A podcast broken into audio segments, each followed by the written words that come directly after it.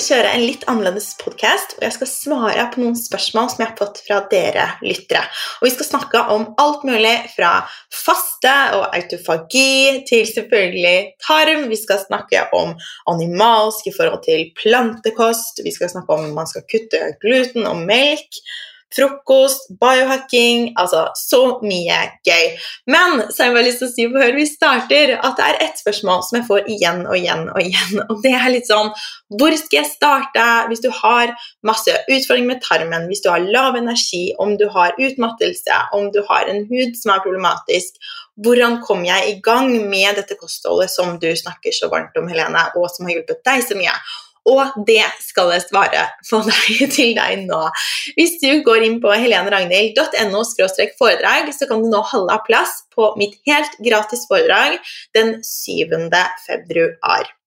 Så gå inn der, holde din plass. Her kommer jeg til å gå gjennom den magiske tarmen. Og jeg lover deg, når du er ferdig med å høre på det her, så kommer du til å være, om ikke helt like frelst som meg, så i hvert fall nesten like frelst på tarmen som jeg er. Og du kommer til å være superklar og inspirert til å komme i gang med å spise for tarmen, du også. Fordi det å spise for tarmen, det er det som har endret mest for meg i hele min helsereise. Og jeg har sett at det er det jeg gjorde fra starten, og har bygget på dette og lagt til så mye gull og gjort det også så mye enklere for deg. Så har du lyst til å komme i gang, har du lyst til å teste dette nå, så er det der du skal starte. Så gå inn på lenragnhild.no foredrag og holde din plass i dag.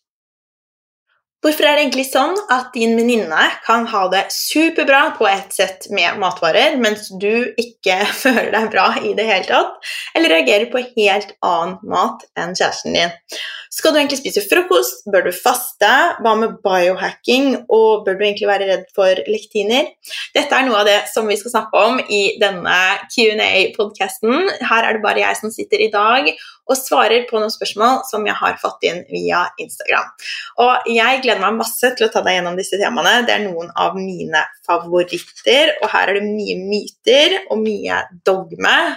Mange som er veldig overbevisende, og særlig rundt det her med fryktspredning. Dette er jo en sånn greie som jeg tok et oppgjør med for en del år tilbake nå.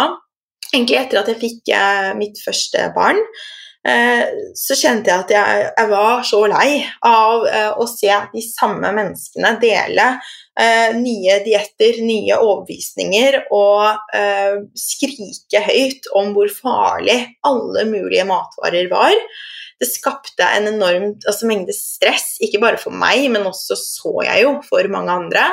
Jeg er jo så heldig at jeg får lov til å jobbe tett med veldig veldig mange. 99 kvinner, men også noen veldig fine menn.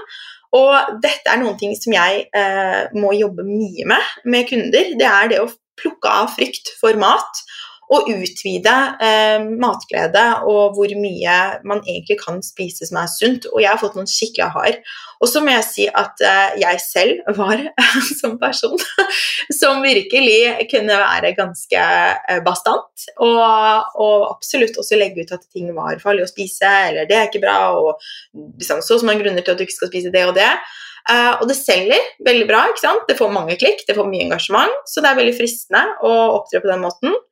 Uh, men jeg vil bare si at jeg uh, prøver så godt jeg kan nå å ha en veldig balansert uh, approach. og ja, Så det er det jeg tar med meg inn i episoden. Og så håper jeg at du tar med deg litt gull fra denne. Det første spørsmålet som jeg skal ta opp i dag, er eh, det her altså, Er det viktig, eller anbefaler du å kutte gluten, melk og belgvekster eh, ved autoimmun sykdom? Og dette her er jo, eh, stammer vel kanskje litt fra en diett som heter den autoimmune protokollen, som er basert på å kutte ut veldig, veldig mange forskjellige matvarer. Den er altså jeg eh, hadde mange rundt meg som testet denne dietten. Mange rundt meg som fulgte den. Jobbet med veldig mange. Jeg har aldri møtt noen som faktisk har blitt frisk av å følge denne dietten. Så det er jo på en måte min start på det. Uh, vi kan gå litt gjennom de forskjellige tingene. Når det gjelder gluten, så mener jeg jo at vi i dag spiser ganske mye glutenholdig mat. Og om det er altså det at vi reagerer på denne type maten, si at du får ballongmage av å spise boller, så er ikke det nødvendigvis fra gluten. Det er veldig mange forskjellige komponenter i mat. Så vet du f.eks. at mange som spiser eh, hvete, reagerer på fruktaner fordi vi har en ubalanse i tarmfloraen vår som gjør at vi da ikke tåler disse helt naturlige stoffene, sånn som f.eks. fruktaner. Fruktaner er ikke farlig, det har ikke en negativ innvirkning på helsen, men noen reagerer på det. Uh, og det er jo min, uh, altså min og mange andres teori er jo at man da har en ubalanse i tarmfloraen som skaper denne type reaksjoner. Men jeg vil bare si med en gang at det betyr ikke nødvendigvis at du har en glutenintoleranse. Så er det jo sånn at gluten i dag tilsettes ekstra i uh, mange matvarer, og vi spiser også veldig mye av denne ultraprosesserte og prosesserte maten. Så hvis du f.eks. Eh, starter dagen med å spise brød, som du har kjøpt på vanlig butikk, som mest sannsynlig er tilsatt ekstra hvetegluten, sånn at brødet skal heve raskere. Det skal være uh, mulig dag sant, å korte ned tiden det tar, for alt handler om effektivisering om dagen, sånn at man skal kunne tjene mest mulig penger. Jo mer effektivt man kan gjøre noe, jo mer penger kan man tjene. Det er ikke nødvendigvis noe farlig i seg selv, men akkurat når det kommer til brødbaking, så er det ikke det mest gunstige. Så du starter dagen med å spise dette brødet, du får i deg um, du starter da med bare liksom prosesserte korn og ekstra tilsatt hvetegluten.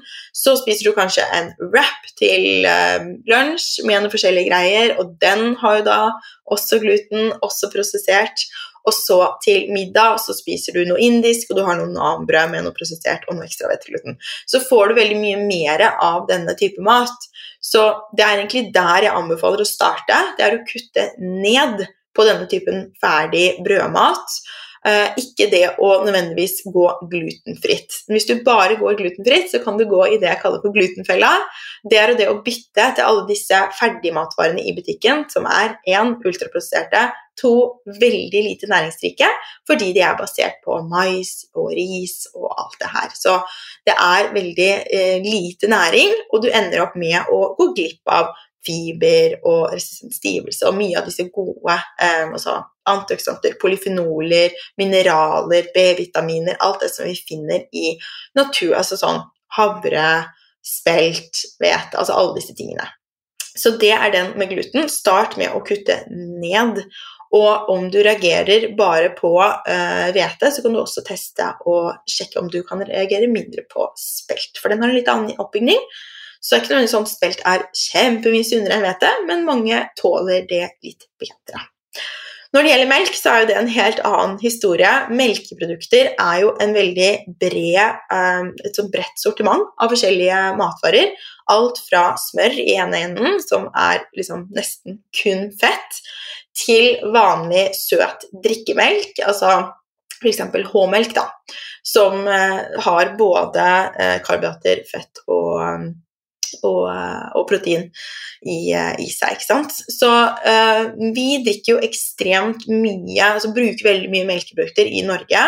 Vi har jo fått trykka ned over hodet at vi må ha melkeprodukter for å få kalsium så er det interessant å nevne at uh, Norge ligger på toppen av uh, når det gjelder uh, osteoporose i verden, samtidig som vi er en av de nasjonene som har mest melkeprodukter i kostholdet. Så at vi må få kalsium fra melk, og om det i det hele tatt bidrar til å redusere utviklingen av osteoporose, er jo spennende diskusjon i seg selv. Altfor langt å ta her.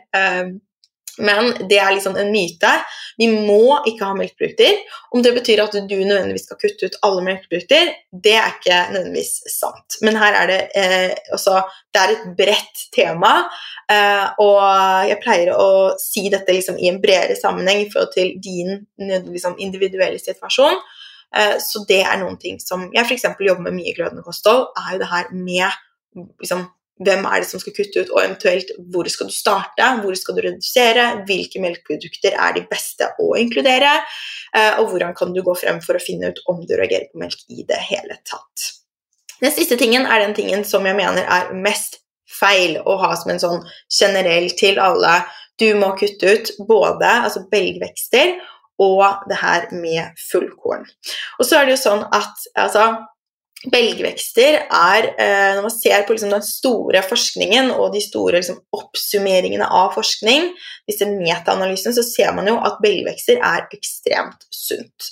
Hvis man tar f.eks. linser Linser er fulle av fiber, de har masse, altså de har både mineraler, de har vitaminer, de har så, altså de har en så god effekt på tarmfloraen din. Tarmfloraen din bare elsker linser. Det er også noen ting som heter the lentil effect. De kan ha en positiv innvirkning på blodsukkeret ditt. Hvis du spiser linser til frokost, så kan faktisk de påvirke blodsukkeret ditt også positivt til lunsj. Så linser er kjempesunt. Så hvorfor skulle noen gå ut og si at liksom, nei, dette må du ikke ha? Veldig ofte så hevdes det en av, med en av disse to tingene, og det er lektiner og det er fytinsyre. Det er mer i korn. Disse to tingene er de tingene som veldig mange roper høyt om i forhold til det å kutte eh, både belgvekster, sånn som eh, kikerter, bønner, linser, og også korn. Noen ganger så er det også snakk om frø, nøtter, alle sånne ting. At det skal kuttes. Det som er veldig skummelt med å gå inn og se på bare sånne enkeltkomponenter i maten, er at veldig ofte så er den forskningen gjort eh, på enten så er det gjort i en sånn liten eh, skål, eh, hvor man liksom sitter og tilsetter dette her og ser hvordan det reagerer på cellenivå, eller så er det brukt små dyreforsøk. Og dette er ikke nødvendigvis noen ting som har noen ting å si i din kropp. Maten vi spiser, består av hundrevis, tusenvis av forskjellige komponenter, og vi vet veldig lite om hva alle disse uh, gjør til sammen. Så én ting er liksom hva akkurat én ting uh, gjør i en skål. Si at man tilsetter um, lektiner eller fytinsyre i en skål, og så ser man hvordan det påvirker opptaket av uh, Eller hvordan det påvirker magnesium. Så vil jo det være kanskje noe helt annet som skjer i kroppen. Og det er veldig, veldig komplisert å forske på. Så dette er jo eh, bare en, et stort problem i seg selv. At det finnes mange liksom, der sånne der, Hvorfor lektiner er, liksom, er 'destroying your health'? Ikke sant? Sånn typisk sånn du finner på enten Instagram eller på TikTok. Så når det gjelder lektiner, så er det jo sånn at hvis vi ser da på befolkningsnivået, befolkningsnivå, uh, og særlig noen ting som jeg digger å lese om, er jo disse blå sonene. Og i de blå sonene fins det altså Dette er på en måte befolkninger som de lever lenge, og de lever bra. De er sunne og friske lenge. Og det er jo det vi ønsker. Vi ønsker jo ikke å være altså, Du liksom ah, yes, jeg lever til 120, men fra jeg var 36 så har jeg hatt en rekke plager med magen min, jeg har hatt masse sykdommer. Og de siste 30 årene av livet ditt så er det liksom egentlig bare sånn at du går på 40 forskjellige medisiner hver dag. Det er jo ingen som vil ha det sånn. Så målet er jo at vi skal leve sunnest mulig så lenge som mulig. Og det ser man i de blå sonene. Og i de blå sonene så spiser mennesker mat med lektiner. Lektiner påvirkes også veldig mye av varmebehandling, så det er veldig få som spiser tørre, eh, tørre linser, tørre bønner. Det er faktisk giftig. Disse matvarene skal varmebehandles. Eh, det er i hvert fall enkelte bønner som ikke skal spises rå.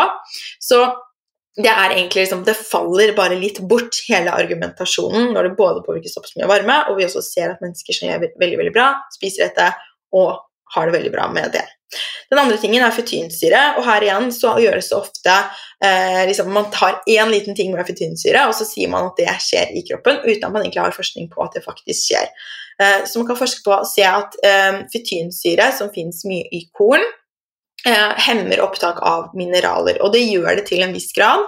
Og også, Hvis man ser på, liksom, på ett måltid, så kan man måle hvor mye det hemmer opptak av mineraler fra det ene måltidet. Men når man ser i det store og det hele mennesker som spiser kornvarer og matvarer med fytinsyre regelmessig, i det store og hele så er det ikke signifikant hvor mye det påvirker opptaket. Og det vil si at det, det er ikke engang målbart i forskningen. Og det betyr igjen at det argumentet egentlig faller helt bort. Bløtlegging vil også påvirke dette i stor grad. Så du kan bløtlegge maten. Hvis du f.eks. skal lage havregrøt, så kan du bløtlegge. Eh, du kan tilsette noe surt, sånn at du virkelig får brutt ned den proteinsyren. Og dermed så har du også løst den utfordringen og kan få alle de gode tingene. Vi kan også gjøre eh, det her omvendt ved å si positive ting om f.eks. fytinsyre. F.eks. med å si at Det binder seg til jern eh, og reduserer da lipidoksidase, som er en del av utviklingen til aterosklerose, altså fortetning av årer. Eh, Fytinsyre kan bidra i apoptose av eh, kreftceller i tidlig stadie, altså, altså programmert celledød, så rett og slett at kreftceller som er på vei til å utvikle seg til kreftceller, da, sånne pre-kreftceller, kan du kalle det, de tar knekken på seg selv, som kroppen rydder opp. Det skjer hele tiden. Det er jo masse prosesser som bidrar til dette. Eh, og man kan også se at disse, altså matvarer med fytinsyre er, er veldig rike på polyfenoler, B-vitaminer, mineraler, fiber og resistent stivelse. Som er kjempepositivt for kroppen din, tarmen din, alt. ikke sant? Så nå ser du greia. Det å gå bare på disse enkeltkomponentene, det er egentlig eh, bare tull. Så nei er min konklusjon. Jeg anbefaler ikke at du kutter ut alle disse matvarene automatisk. Du er unik. Så det er ikke noe vits å gå og kutte ut kun akkurat noen matvarer fordi at noen roper høyt om at de har satt sammen en eh, streng, streng, streng protokoll som er nesten umulig å følge, og som det ikke finnes noen forskning på at fungerer i det hele tatt. Det vi må gjøre, er at vi må se på de som spiser disse matvarene. Vi må heve blikket og se på hva mennesker som lever lenge og friskt, spiser. Hva dør de av? Er de syke? Hvor lenge lever de? Og da vil du få et mye større bilde. Så det er konklusjonen min på den. Det er noen matvarer som er gunstig for noen av oss å redusere en periode eller å spise mindre av. Vi er ikke like, så den viktigste jobben du gjør der, er en jobb du må gjøre selv, og det er å teste. Det er egentlig ingen tester, eh, intoleransetester, blodprøver, sånne ting som vil gi deg et tydelig bilde på dette. Det er faktisk kun du som kan gjøre den jobben. Så den, eh, sånn er det, dessverre. Så har jeg fått spørsmål om det her med animalsk i forhold til plantekost. Skal vi egentlig inkludere animalsk mat? Er det egentlig sunt? Uh, burde vi spise bare plantekost, eller altså plantebasert kost? Være veganere? Bør vi være vegetarianere? Dette er jo også et kjempestort spørsmål. Og jeg mener at det å diskutere uh, animalsk versus planter er helt feil. Mennesker vi er altetende.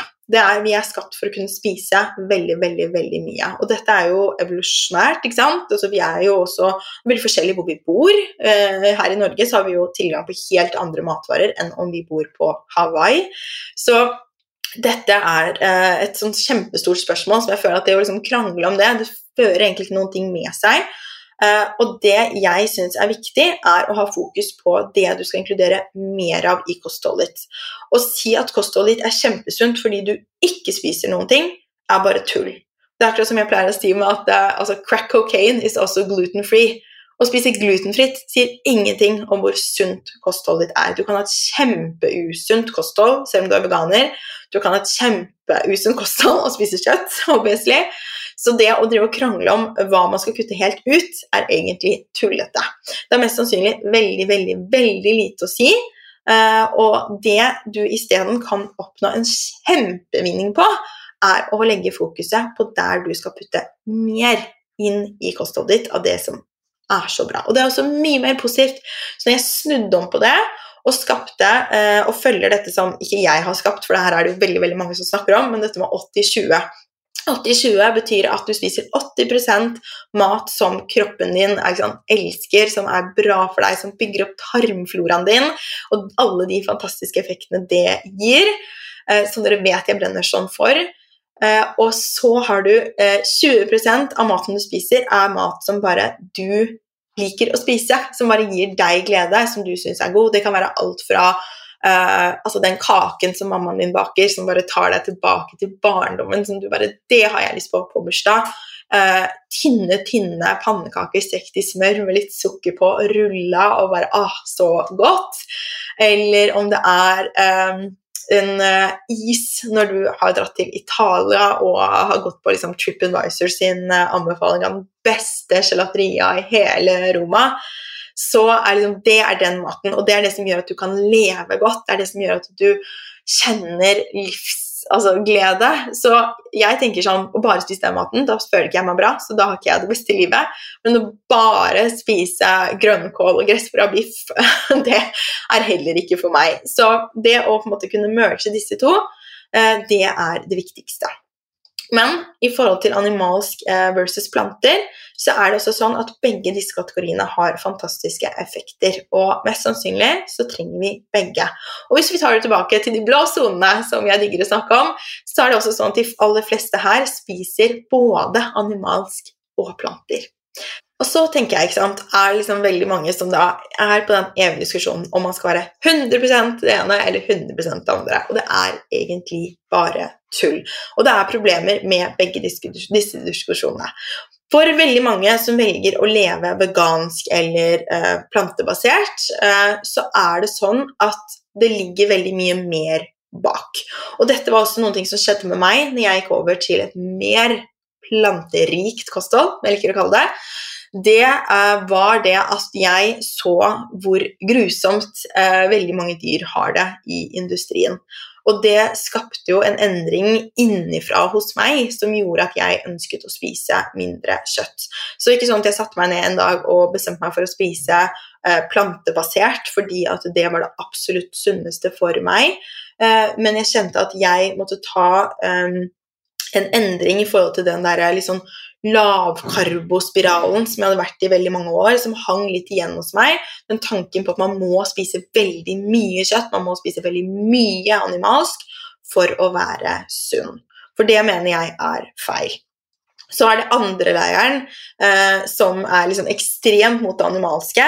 Eh, og der er det jo veldig ofte en sånn eh, lavkarbo, eh, paleo eh, keto altså Det er så mange forskjellige sånne, sånne hva skal jeg si, eh, betegnelser på forskjellige typer rare kostholdsmønster man kan følge her. Og det kjøret her har jeg vært på selv, så jeg dømmer ingen som følger det.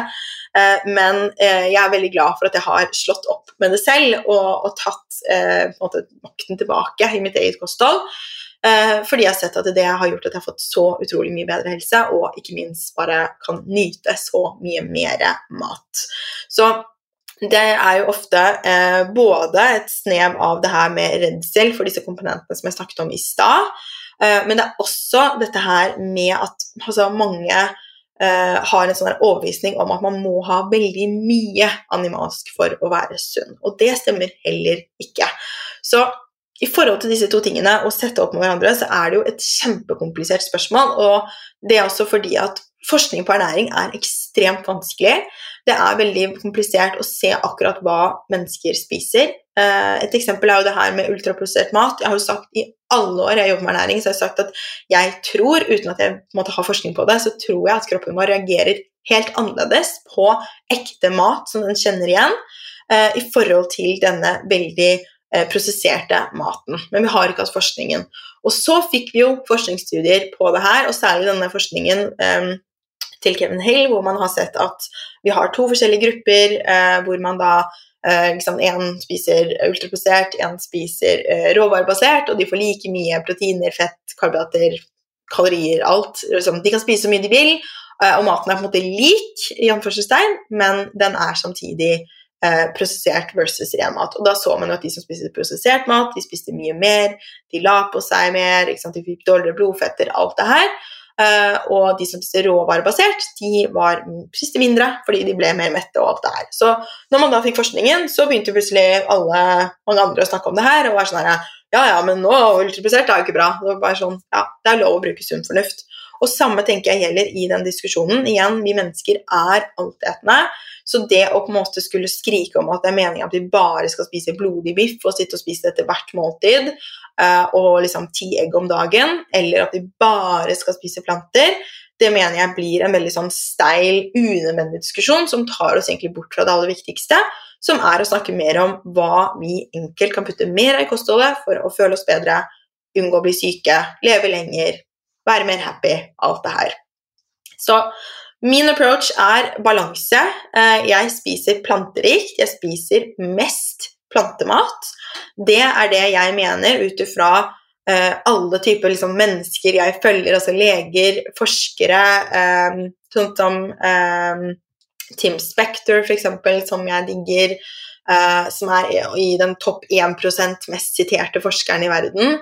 Um, og altså, ja uh, Han uh, som har skrevet Åh, oh, gud, hva heter den boka? Så helt til på meg. Ja, jeg kan linke til den under, eventuelt, hvis jeg kommer på det. Men det er i hvert fall så mange som liksom Når man på en måte tar en sånn svær svær, svær oppsummering av alt man har lest, alle forskningsartikler man har lest, utdannelsen sin, alt det her, så har jeg landet på det å spise mest planter er det som fungerer best for meg, som gir eh, mest god tarmflora. For tarmfloraen vår trenger plantebasert mat for å ha det best mulig. Og veldig mange kommer jo da med det argumentasjonen om at ja, men jeg reagerer på planter, og det er ikke naturlig. Det at vi reagerer på denne maten, det er jo fordi at tarmfloraen vår har blitt mer og mer og mer snever. Vi har mistet ekstremt mange av bakteriestammene våre de siste liksom 50 årene, og det er egentlig helt krise. Så vi er nødt til å bygge opp tarmen, og dette er jo en av de viktigste tingene jeg jobber med i glødende kosthold, er det å bygge opp igjen tarmen, sånn at du kan tåle matvarer som f.eks. løk, som har fantastisk effekt på tarmhelsen din, på helsen generelt, altså antikreft, liksom beskytter cellene dine, så mye fantastisk bra med løk, eh, og så er det så mange som ikke tåler det. Og det var ikke sånn for um, bare 20 år siden så hadde ikke liksom, en femtedel av oss eh, irritabelt tarmsyndrom. Det her kom, har kommet, og det øker og øker og øker fordi vi spiser så mye feil mat, vi har så redusert bakteriestammer, alt det her. Så jeg håper at du får litt ut av det her, at det ikke bare blir rot. Snakker meg litt bort. Men det er et så stort tema og så vanskelig å diskutere. Så når det gjelder animalsk, så passer jeg på også å inkludere noe av det i mitt kosthold, fordi det føles mest riktig for meg og når jeg gjør det, så er det fordi at eh, en, altså dette er en veldig næringsrike matvarer. Eh, egg f.eks. inneholder alle vitaminer og mineraler som vi trenger, med unntak av vitamin C. Det er små næringsbomber. Eh, så det å inkludere dette i kostholdet, det å gi det til barna våre, mener jeg er positivt for at vi skal få mest mulig næring. Vi trenger denne liksom dype, næringsrike maten.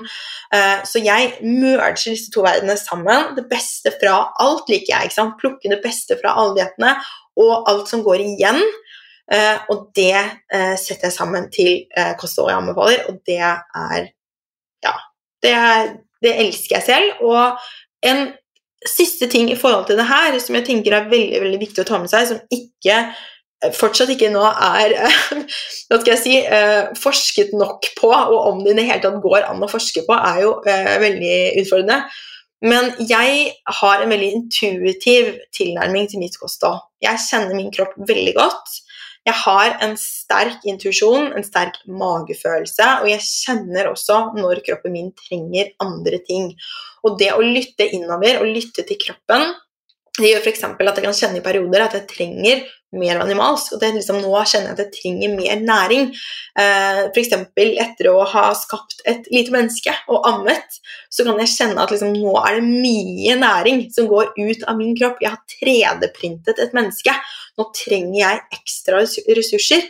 I andre perioder så er det akkurat som når det kommer en ny vår, og jeg kjenner at jeg, jeg trenger nesten sånn en sånn rens av kroppen. ikke sant? Jeg trenger bare å ha liksom en tarm som flower, og som pusher ut toksiner og alt det her, så er det liksom bare sånn masse, masse, masse plantemat som føles riktig. Uh, og det å ha den, uh, den intuisjonen, da, jeg tror den bor i oss alle. Når vi ser på barn, f.eks., uh, så har vi jo sett i noe forskning at barn velger matvarer som de trenger ut ifra sine næringsmangler. Så jeg, og dyr også, spiser egentlig mest det de skal ha, og de spiser så er mette, ferdig. ikke sant? Hvis de er i det riktige miljøet, ultraprosessert mat, fucker jo det her helt til. Så det kan man ikke liksom, Du kan ikke intuitivt spise Snickers, men du kan intuitivt spise blant råvarer. Så det er den komponenten som jeg mener eh, selvfølgelig glemmes helt i diskusjonen. Eh, fordi vi er så opptatt av å slenge forskningsrapporter som eh, Vi kan alltid finne forskning som støtter vårt syn, eh, og slenge disse frem og tilbake og krangle. Og du har lov til å bare melde deg ut av det og kjenne etter hva som er best for deg. Bruke litt sunn fornuft, og ikke minst sette sammen flere av de komponentene som snakkes om. For mest sannsynlig er det sånn at hvis én person snakker om at det her liksom er det shit, og det funker så bra, bla, og annen person mener at noe helt, helt annet funker, så er det mest sannsynlig ingen av de som har helt rett, tror jeg. Jeg tror at vi da ligger på noe mellom, og det er mest sannsynlig også det tryggeste for deg å velge å spise. Så mer, liksom, mindre dogme, mer, mer intuisjon, mer ro, mer sunn fornuft er min um, take da, på, på det her. Så eh, kommer vi til spørsmål nummer tre, og det her er det som handler om faste. Faste er ekstremt i vinden om dagen, og jeg får masse meldinger om hva jeg mener om faste. Og faste eh, er jo så mangt. Så det første tingen jeg tenker er kjempeviktig å klarere før man snakker om faste, er hva man egentlig snakker om.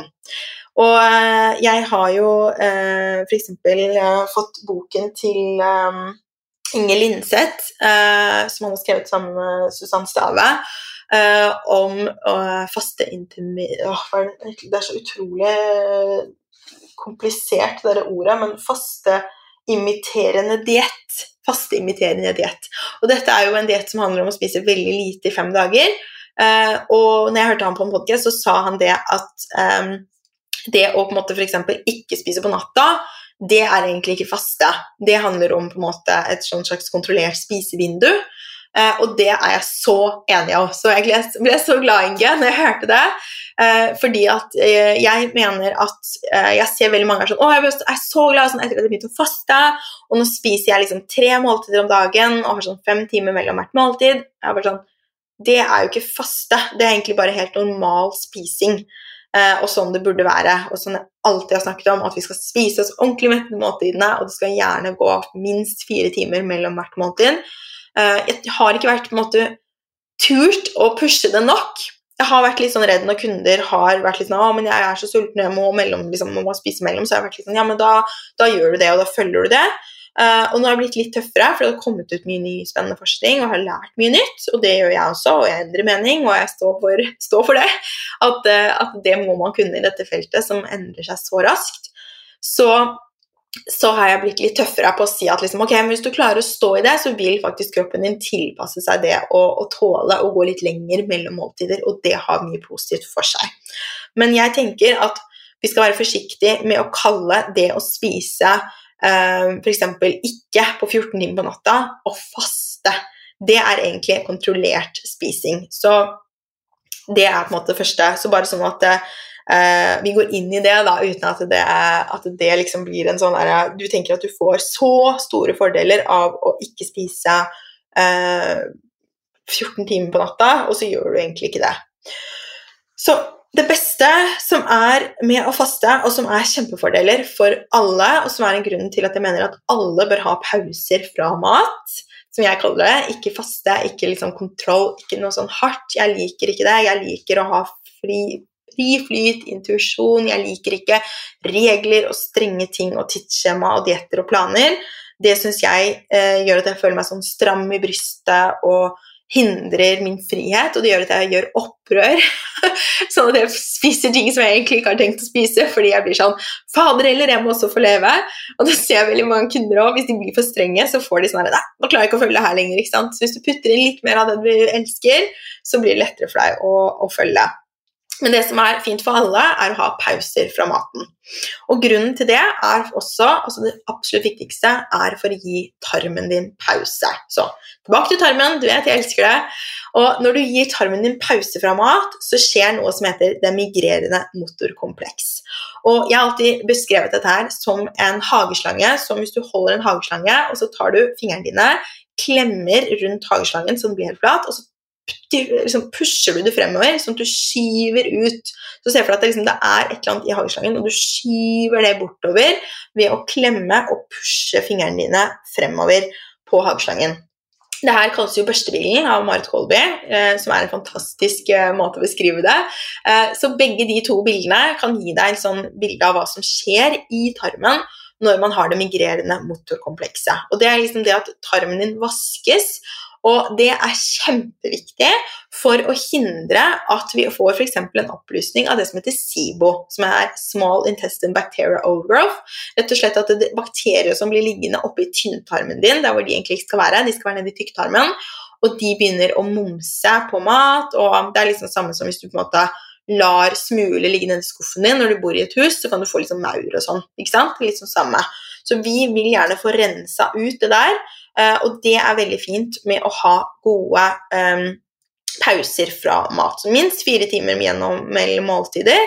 Uh, og, og, gjerne, og, gjerne, mer også. Bare pass på at du ikke uh, hopper over måltider fordi at du liksom er på farten og hadde ikke planlagt noe. Og det da gjør at du på en måte velger noe dårligere til neste måltid. Uh, for det skaper også veldig mye stress i kroppen, som igjen ikke er bra. Så det migrerende motorkomplekset, eller førstebilen, det er jo en kjempefordel. Det er også veldig gunstig i forhold til blodsukkeret ditt å spise deg ordentlig mett og ikke gå og småspise hele tiden. Så jeg pleier å si at pauser fra maten er for alle. Uh, og så pleier jeg å si at faste er ikke for alle, men småspising er ikke for noen.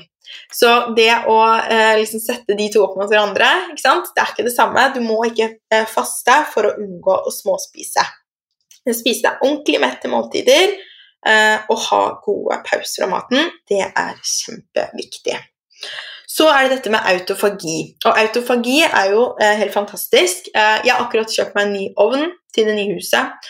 Og da var det veldig viktig for meg at ovnen hadde én funksjon, og det var pyrolyse. Pyrolyse det er jo sånn at du brenner av ovnen, eh, og den blir helt ren, og du kan bare liksom børste ut støvet som er igjen. Og det er litt det samme som uh, autofagi, litt sånn bilde. Uh, en litt sånn selvrensende ovn inne i cellen så cellene har liksom en, det er cellenes nedbrytning og resirkulering av egne bestanddeler. som en opprydning. Og dette er også noen ting som skjer når man har pauser fra mat. Autofagi det skjer eh, fra ca. rundt 16 timer. Eh, og utover. Men det påvirkes også av veldig mange forskjellige ting. Så stress kan påvirke autofagi, om du på en måte er i autofagi eller ikke.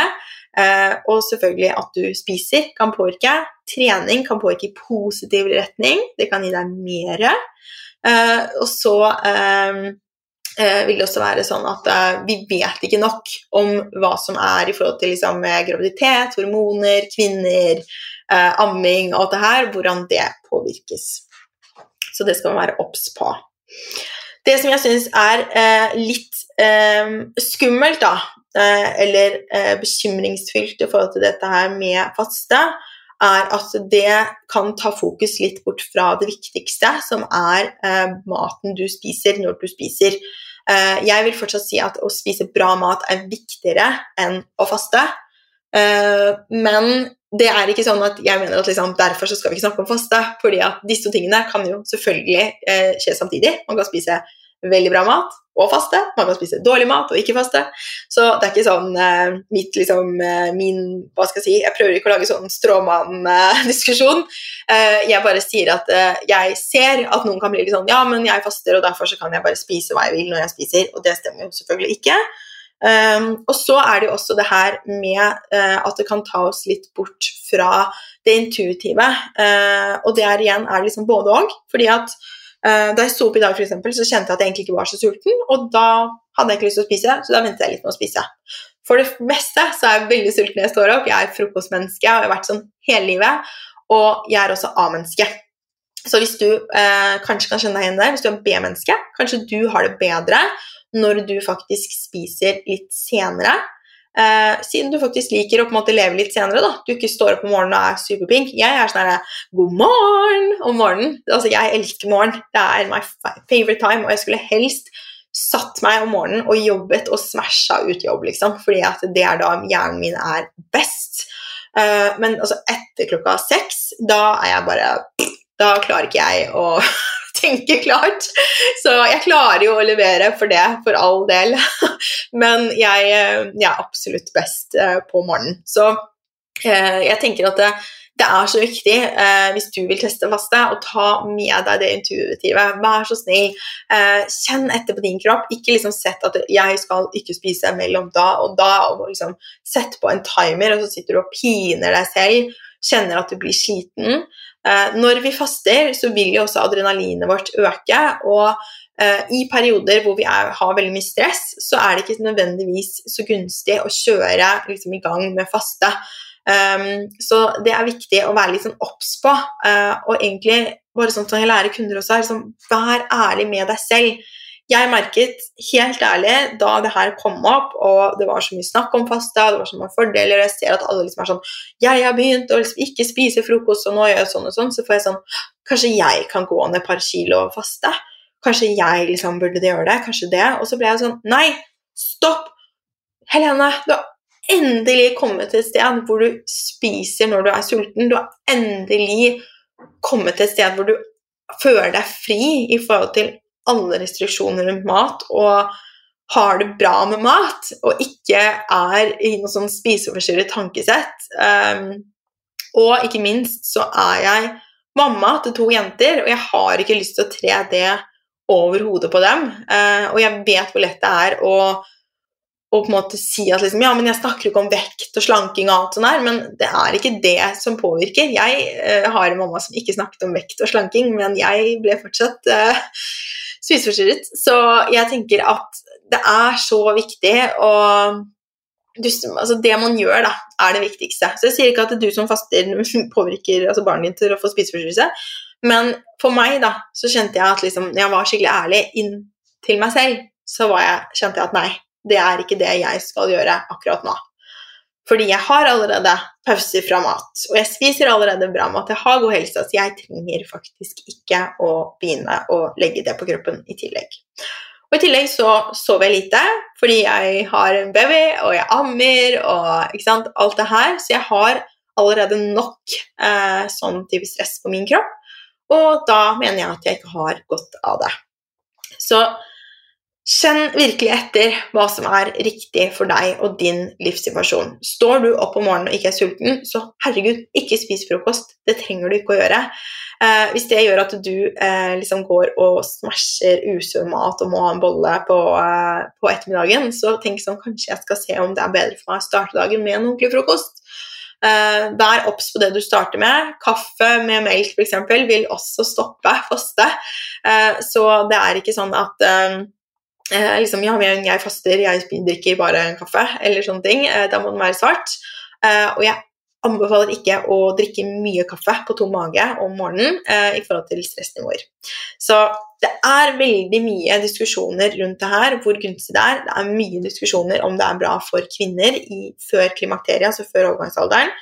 Eh, jeg vil si at juryen er ikke ute, så kjenn etter hva, hvordan det føles for deg. Og hvis du faster en stund, og så begynner du å kjenne at nå har jeg litt sånn derre eh, sliten, men altså gira eh, Jeg klarer ikke å liksom, konsentrere meg så bra. Jeg merker kanskje liksom at eh, jeg har fått liksom, mistet litt hår. Er ikke helt liksom, til stede. Sover dårlig. Alt det her. Så kan du se om du kanskje skal scale litt tilbake på fastingen. Så det er den. Det er til sist veldig viktig å huske igjen på at du er unik. Det kommer så mye spennende forskning. Han Tim Spector, som jeg nevnte i stad, eh, snakker om forskning nå som eh, driver et sånt gigantisk forskningsprosjekt nå i USA og, eh, og Storbritannia. Uh, hvor han har sett på uh, påvirkning av mat, altså hvordan vi reagerer på karbohydrater, protein og fett. Uh, og han sier at det er nesten ingen av oss som reagerer sånn som vi på en måte har trodd at gjennomsnittet gjør. Vi er så utrolig forskjellige. Og dette er jo grunnen til at eh, nabodama kan fungere dritbra på lavkarbo, eller at mannen din gikk ned masse når han begynte å faste, mens du ikke gjorde det. Så det er så viktig at du lytter inn og har deg selv som et lite forskningsprosjekt, og er nysgjerrig på hva din kropp forteller deg, og gjør det du trives med. Det er kjempeviktig. Så for eksempel så kan du også velge å hoppe over kveldsen. Det er som regel den type um, hva skal jeg si, altså pausen fra mat jeg liker best. Er det å spise middag, være fornøyd, og så uh, går jeg og legger meg uten å spise kvelds. Og så spiser jeg frokost igjen på morgenen. Sånn liker jeg å gjøre det. Der er vi igjen veldig forskjellige. Så du vet best hva som funker for deg. Siste spørsmålet som jeg skal ta i dag, er et spørsmål som jeg har fått i forhold til om jeg anbefaler biohacking. Og biohacking er eh, et uttrykk som er veldig trendy. Det er ikke nytt. Det har vel vært i gamet i jeg vet ikke hvor mange år. Det var jo han Dave Asprey som begynte med bulletproof kaffe eh, og det her for mange, mange år siden. Eh, jeg har vært veldig innom det her også. Jeg føler at jeg har hatt min sånn periode hvor jeg liksom har kjørt veldig mye sånn ekstreme dietter og kjørt liksom faste og biohacket og bare go, go, go på alt. Og så har jeg kommet ut igjen av det og lever mye mer i balanse, og det, det digger jeg, da. Jeg har det jo bedre enn noen gang før. Eh, og aldri hatt så bra mage, aldri vært så slank. Så jeg Altså, ja, men samtidig spise det jeg føler for, da. Så jeg, for meg så er biohacking eh, en helt klart en slippery slope, da, kan jeg si, eh, til å falle litt tilbake i gamle mønster. Um, så biohacking er jo i seg selv ikke noe skadelig. Det, noe sånn, det handler egentlig bare om å uh, tracke og måle ting. Og prøve å gjøre ting som påvirker det du måler. Så Si at du f.eks. tracker søvnen din, og så ser du ok, hvis jeg uh, drikker en kopp eh, kamillete før jeg legger meg, så ser jeg at jeg får bedre søvn. Det er biohacking. Så biohacking i seg selv er ikke farlig. Men det å på en måte skulle eh, sjekke og teste 30 forskjellige ting i døgnet, eh, og at hele dagen din er linet opp med forskjellige hacks du må gjøre fordi at du skal prøve å optimalisere deg selv, det er i hvert fall sånn rent personlig en måte jeg ikke ønsker å leve. Altså hvem har tid til det, hvem har ork? Uh, det blir litt sånn, kommer fra et kanskje sånn, ganske sånn privilegert sted, at man kan leve på den måten i det hele tatt. Uh, men hvis du digger det, så tenker jeg herregud, kjør på så lenge du føler at det går bra.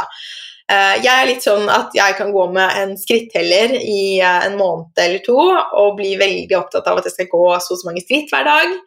Og så kan jeg eh, kjenne at jeg bare må ta av den skrittelleren fordi den begynner å styre livet mitt, og at jeg begynner å gå sånne runder i stua for å oppnå det. Så hvis du er en litt sånn person som får litt hang-up på ting, da, har kanskje litt sånn addictive personality, som jeg kanskje har, eh, og, og, veldig flink pikesyndrom, så merker jeg at det er ikke for meg. Jeg trives mye bedre med å liksom er sånn Ok, nå kjenner jeg at jeg er sliten, jeg trenger liksom god søvn. Da legger jeg meg tidlig noen dager. Um, jeg elsker å bruke litt lavendelputespray, ha det vært på rommet, ha det kaldt nok. Uh, altså For all del, drikke urter, alt det her, liksom. Men jeg gjør det mye mer sånn intuitivt enn å ha uh, elektroder på hodet og, og kjøre intravenøse behandlinger som bare koster skjorta. og kjøre helse på den måten, det funker ikke så godt for meg. Så jeg har egentlig ikke noe sånn eh, forskning på om biohacking er bra eller ikke. ikke sant? Dette er ikke noen ting som Det vil være så personlig, og det er et så vagt begrep. Men det er absolutt noen ting som igjen, jeg tenker du må kjenne etter selv hva som funker for deg. Og hvis noe trigger deg, eh, gjør at du bare føler mye sånn irritasjon, du ikke syns det er noe, noe, gøy, eller du bare merker at det her er ikke liksom min måte å gjøre helse, det, det, snakker ikke til meg, da, så tenker jeg at det er helt lov å enten eh, bare liksom dempe, du kan skru av varsler, f.eks. på Instagram, sånn at du, du trenger å avfølge folk. Jeg har bare skrudd av varsler på mennesker som jeg merker sånn Det budskapet er ikke for meg akkurat nå. Fordi eh, Det er ikke fordi at jeg har noe imot den personen eller er faglig uenig med dem eller liksom å ta de sosiale medier altså Jeg er bare ikke for det der. Jeg vil mye heller bare være sånn Dette er det som er bra for meg. Uh, og det gjelder jo selvfølgelig meg også. Hvis du er sånn Hver gang jeg ser hun der Helene Ragnhild på Instagram, så blir jeg så lei. Hun, alt hun sier, er så irriterende. Så er det bare å unfollow, eller altså Da gjør du det. Det tenker jeg er best. Du trenger ikke å sende meg en melding og si at 'nå har jeg avfulgt deg'. Heller. Du kan bare gå videre og leve ditt beste liv uten det. Det har du 100 lov til. Så vi må bare tåle at vi er forskjellige. Nå får vi også forskningen på at vi er forskjellige, så det er jo kjempekult at vi liksom nå kan slå i bordet med det og bare se her. Det er ikke én diett som passer for alle. Uh, så det er, kjenner jeg at jeg, jeg, blir så glad for at, det, at det nå fins.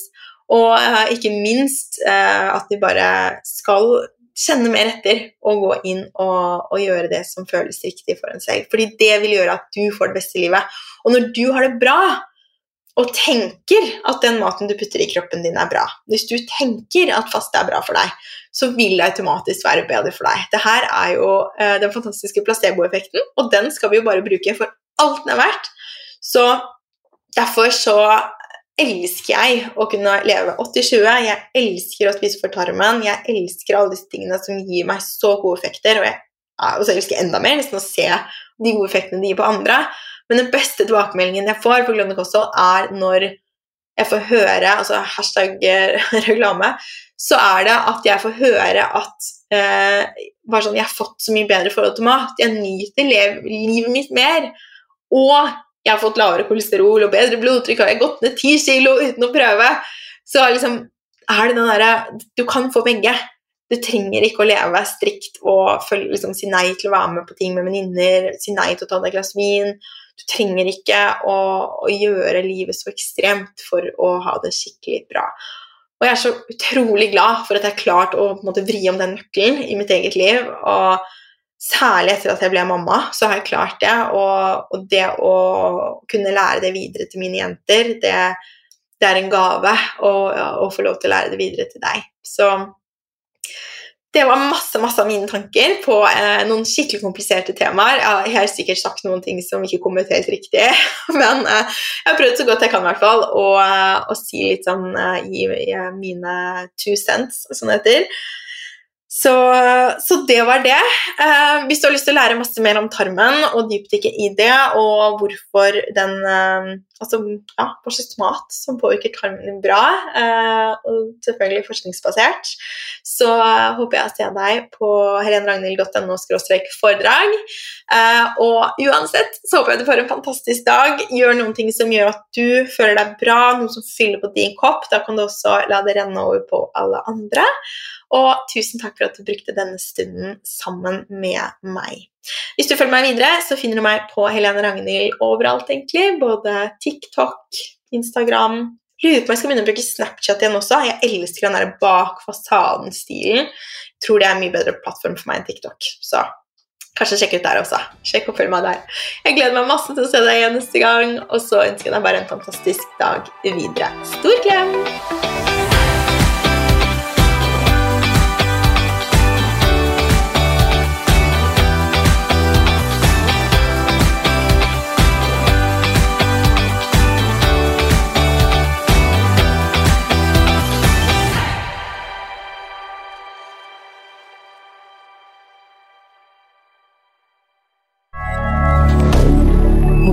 Canada.